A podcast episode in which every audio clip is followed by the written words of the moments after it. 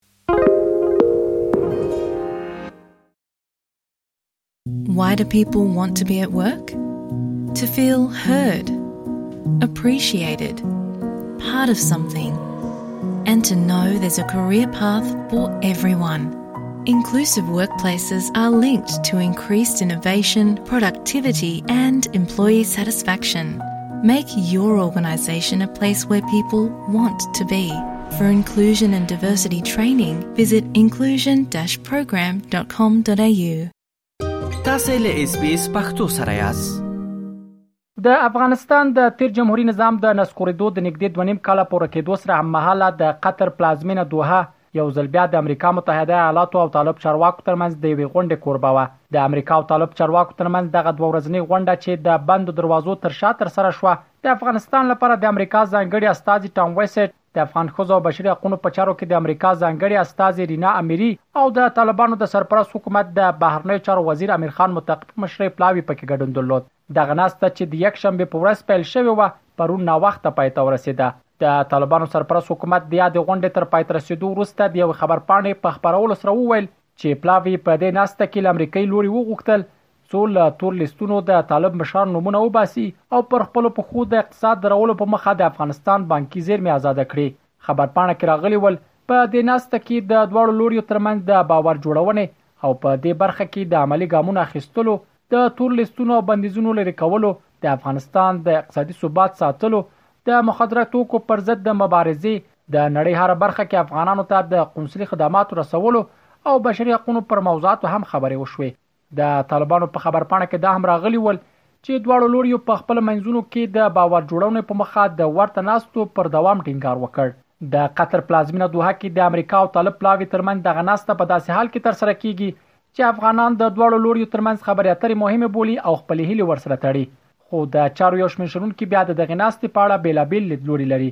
له دې ډلې ځینې هغه دا ناسته مهمه بولي او د موثرو پایلو هیله ترې لري. دوی وویل، د امریکا او طالب استازیو ترمنځ په دوحه کې اوسنۍ خبرې اترې د وریو پړاو پیل ده او په خبره یې ښايي په راتلونکي کې همدغه ډول ناستې ترسره او دواړه لوري یوې هوکړې ته ورسېږي. په دوحه کې اوسنۍ خبرې په حقیقت کې د افغانستان او امریکا تر مابین د یو نوي پړاو پیل ده. دا خبرې به طبیعتاً ادامه پیدا کوي او په دې خبرو کې به حتماً په ځینو مسایلو باندې هوکړه کیږي اما کېدای سي دا هوکړه اعلان سي او هم کېدلی سي اعلان نسی مګر هوکړه به حتمی وي او دا خبرې به ادامه پیدا کوي او دا خبرې د دې لپاره د هغه ستونزې چې د امریکا له خوا څخه د افغانانو په وړاندې جوړې سوي د هغه ستونزې ورو ورو او په تدریج سره کمې سي چې لومړنی عملی ګام یې اوچت سي. د بیلګې په ډول باندې اوس د امریکا او اروپا طیارې د افغانستان له فضا څخه تیریږي او په تیرو دوه کلونو کې دا مطلق بندیز و دا یو ښه پرمختګ ده او دا د بندیزونو کمولو کې یو ستر ګام ده. دا غونډه ځکه ما ویل چې مهمه ده، مهموالی یو دا ده او بل مهموالی دا ده چې په دې کې د طالبان لړپوړي چارواکي ګډون کړی او مخامخ به دوی خبرې کوي، خو زه فکر کوم چې یو څه له نورو غونډو نه به متفاوته وي او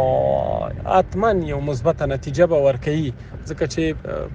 دا مهمه غونډه ده او د ملګری ملتونو سازمان هم نظارت کوونکی دی پکې امریکایي چارواکو او طالبانو له دې وړاندې هم په ځلونو په دوه کې چې د افغانستان اړوند د ډیپلوماټیکو خوځښتونو مرکز دی خبرې کړي خو تر اوسه نه د افغانستان په وضعیت کې کوم بدلون راغلی او نه هم د امریکا دریځ بدل شوی د چارو ځینې شنونکي بیا هم دې موضوع ته په اشارې سره د خبرې اترې ګټورې نه بولي او دا له طالبانو سره د تعامل یو عادي کتنه په ګوته کوي دوی زیاته کړه، تر هغه چې امریکا د افغانستان په اړه واضح تګلاره ونه لري، د دې امکان نشته چې د امریکا او طالبانو په اړیکو کې دې بنیادي تغیرات راشي. قسم له دغه ناست څخه انتظارات ډیر زیات دي ولې زه په دې باور یم چې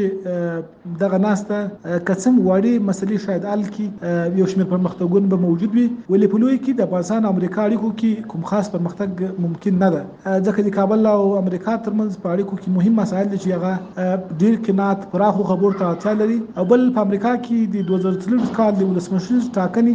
د دې اجازه نه ورکوي چې د امریکا اوسنی واکمنان د افغانستان په باندې واضحه پالیسي ولري په ان حال کې د بایډن اداره هم نه غواړي چې د افغانستان مسله دي د امریکا د کورنی سیاست موضوع ګرځي نو زه به د باورم چې دغه ناسته خده ولي د توچ په امریکا کې د 2023 کال ټاکنې نوي شوي او یو واضح تګلاره د نوي امریکایي حکومت لخوا د افغانستان مورد باندې د مشخصې پالیسۍ پر اساس نوي نیول شوي تر هغه ممکنه ده چې د کابل او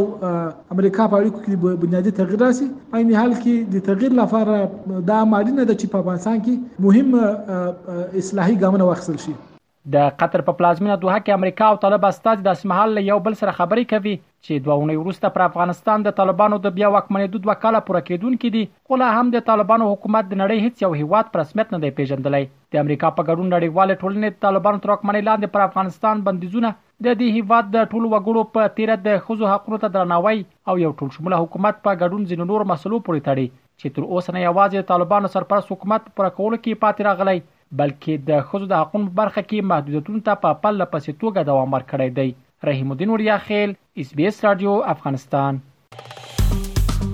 که غواړئ دغه سنوري کیسې هم او رینو د خپل پودکاسټ ګوګل پودکاسټ یا هم د خپل خاكي پر پودکاسټ یو اورئ